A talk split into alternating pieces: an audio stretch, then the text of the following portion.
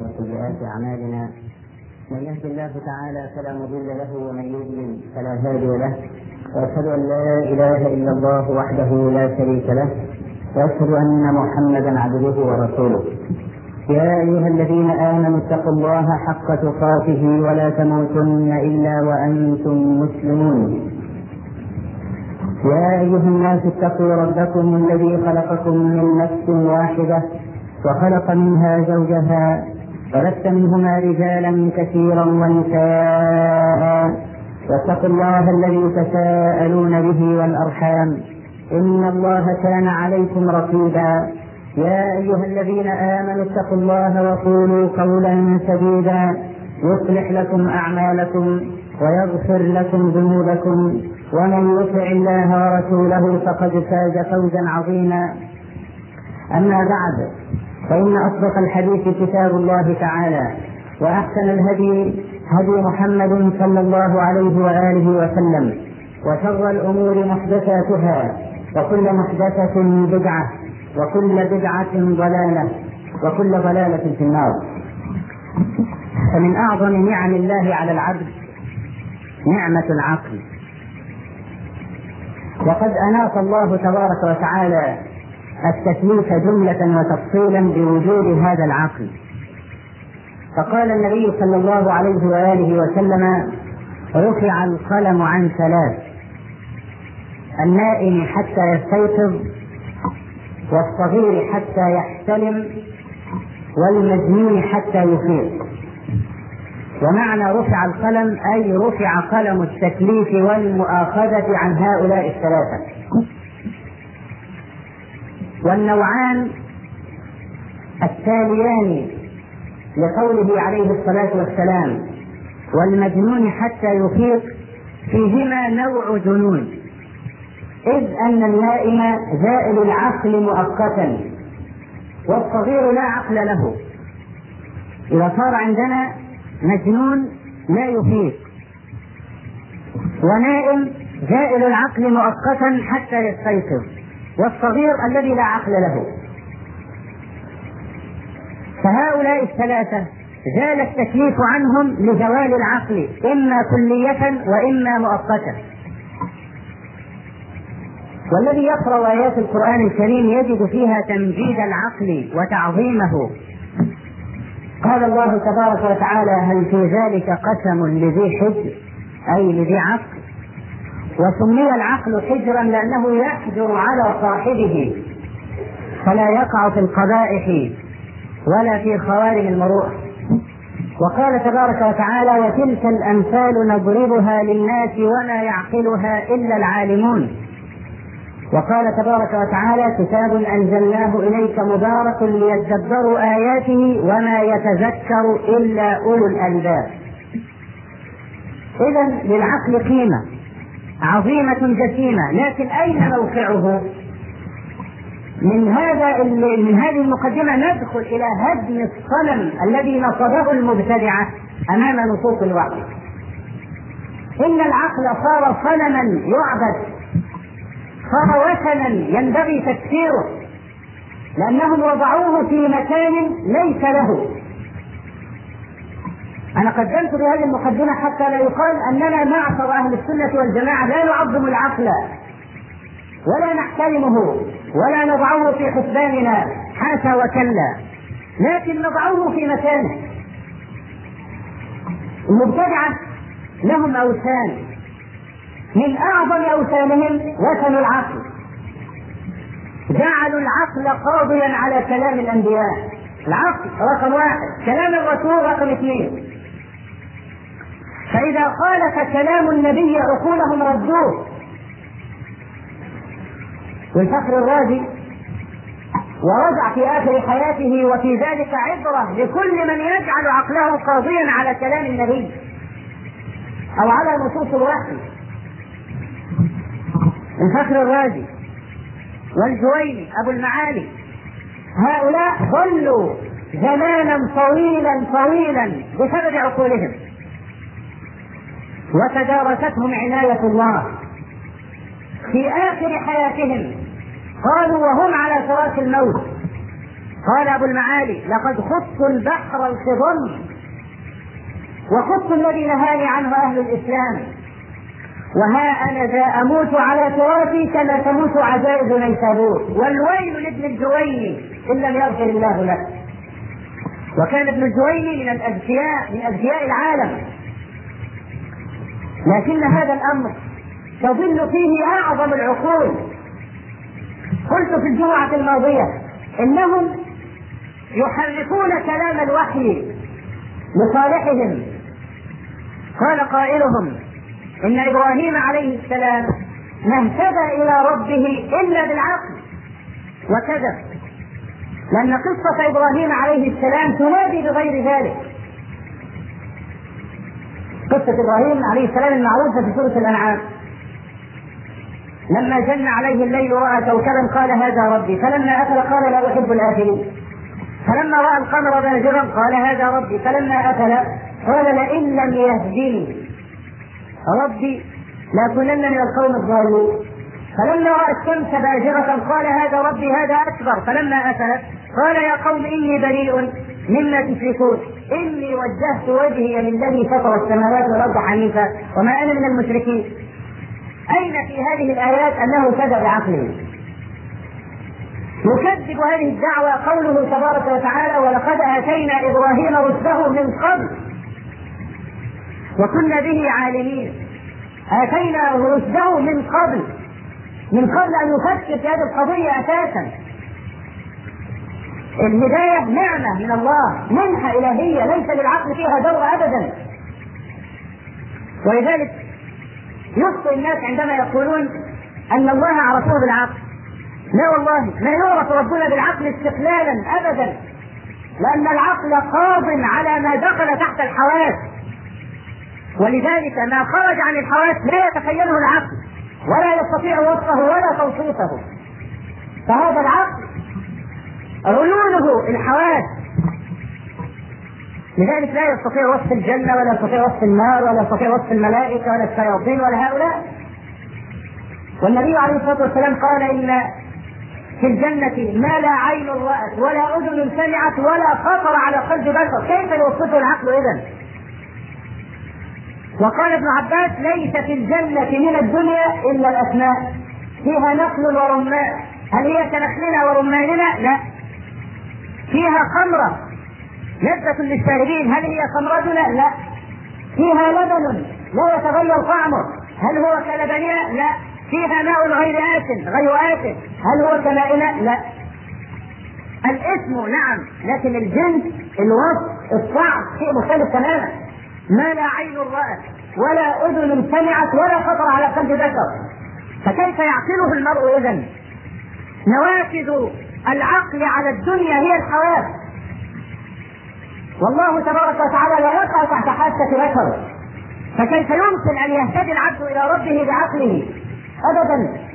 الهداية منحة من الله ثم يأتي دور العقل ثانيا ليثبت هذه المنحة. إذا دور العقل رقم اثنين.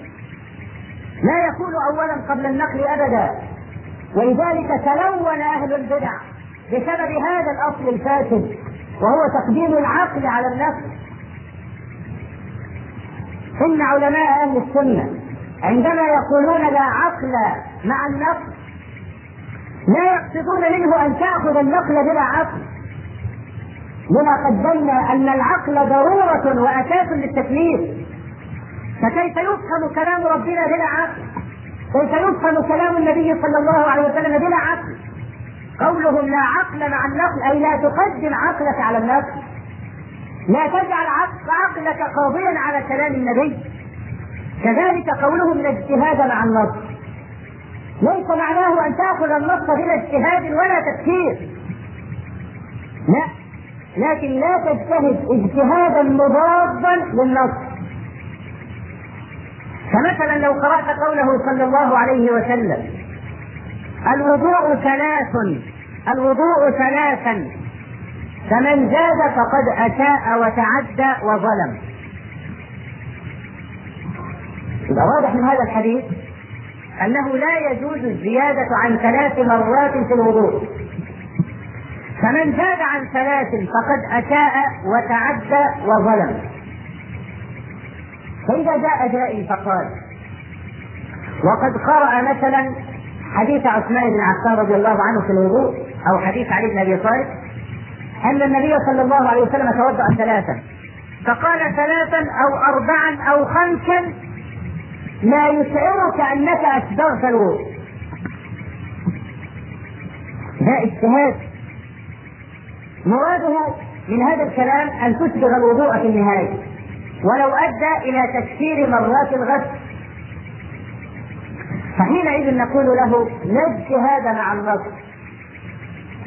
لا اجتهاد مضاد للنص هو ده معنى الكلام. مش لا اجتهاد مع النص أي خذ النص بلا اجتهاد لا. وكتب أئمتنا جميعا قاضية بذلك. بل لهم في الاجتهاد في فهم النص نكات تحير العقول. الإمام البخاري رحمه الله؟ قالوا تراجمه حيرت العقول. تراجمه حيرت العقول. التراجم التي يضعها على أحاديث صحيح.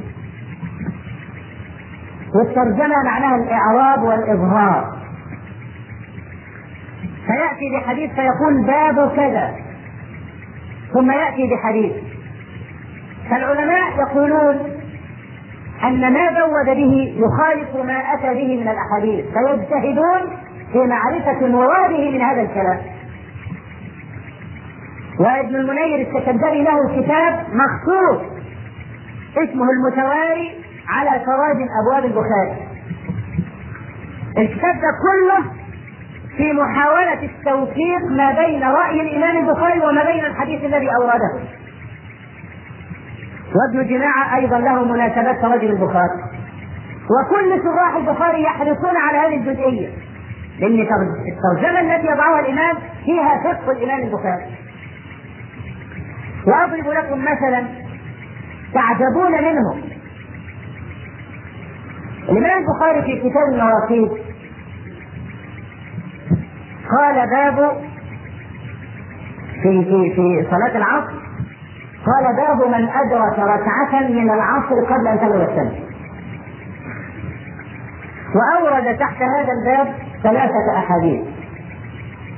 الحديث الأول عن أبي هريرة رضي الله عنه عن النبي صلى الله عليه وسلم قال من أدرك سجدة من العصر قبل أن تغرب الشمس فليتم صلاته ومن أدرك سجدة من الصبح قبل أن تشرق الشمس فقد تمت فقد تم صلاته. فليتم صلاته. ده هذا الحديث واضح مباشر.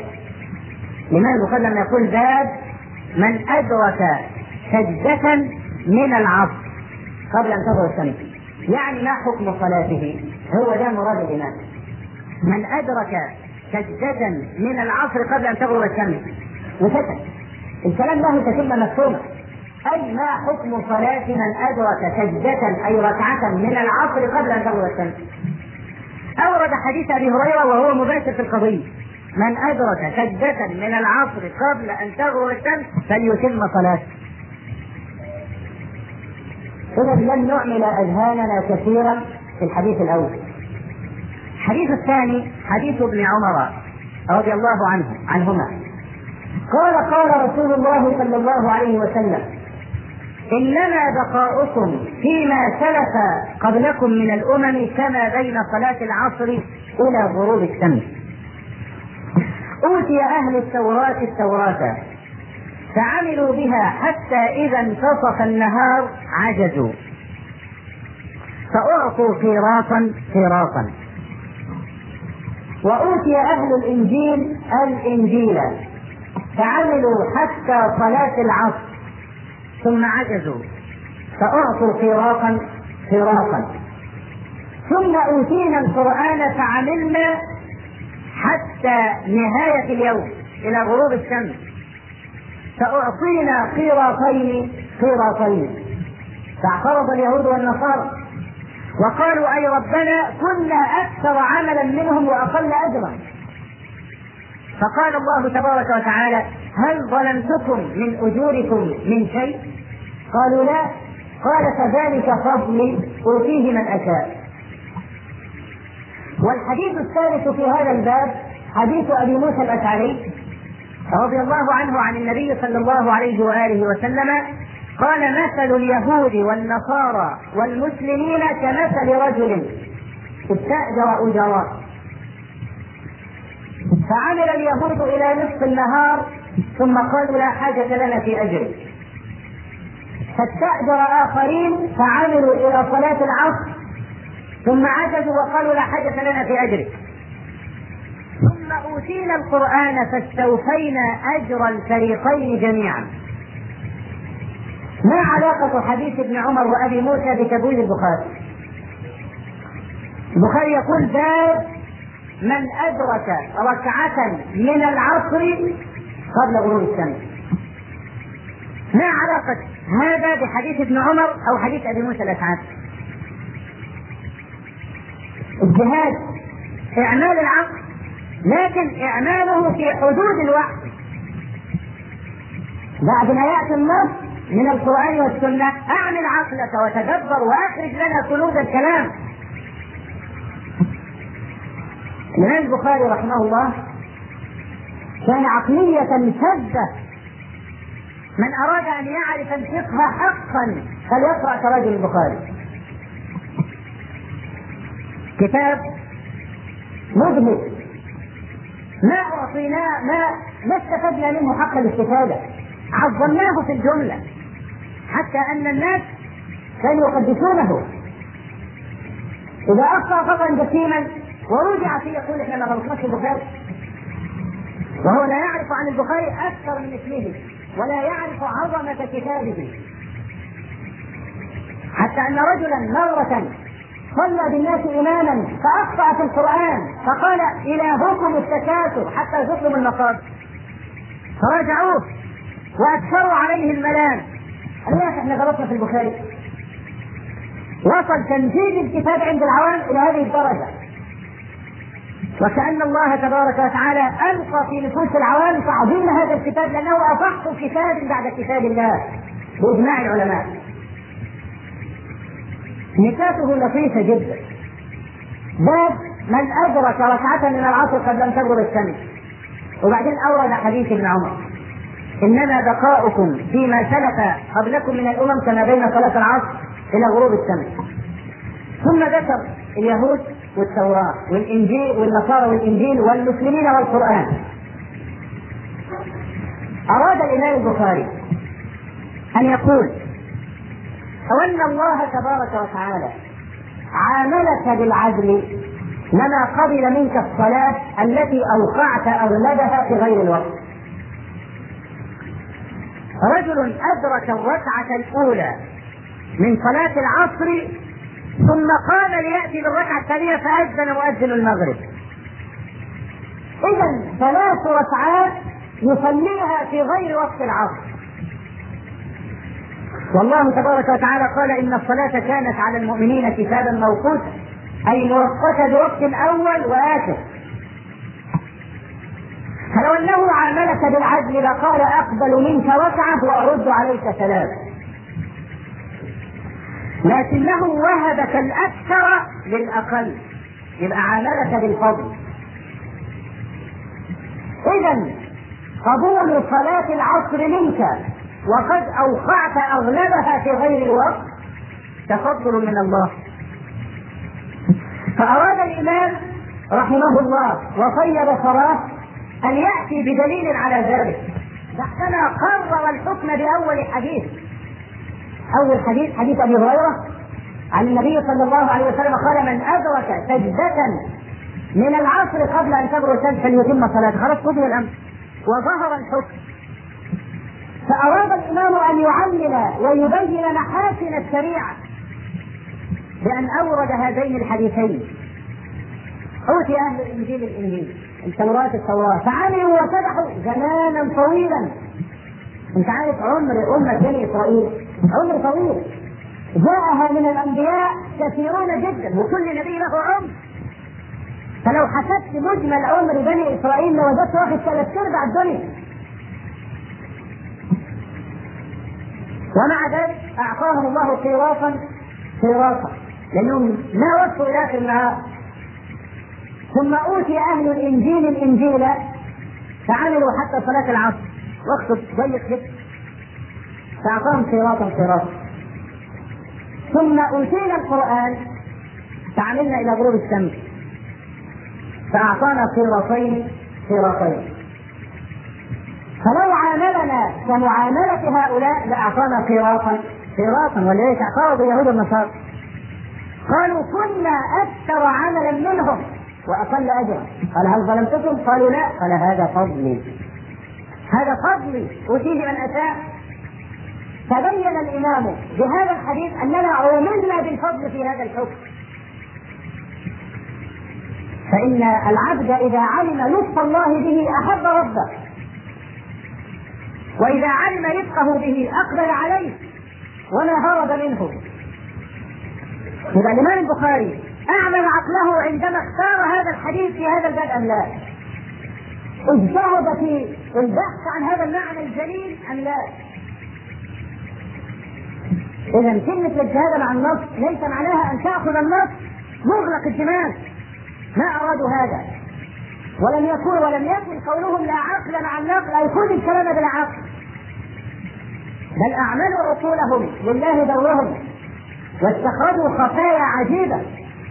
لذلك أحسن من قال من العلماء إن النصوص أحاطت بكل ما يريد البشر. ديننا مهيمن.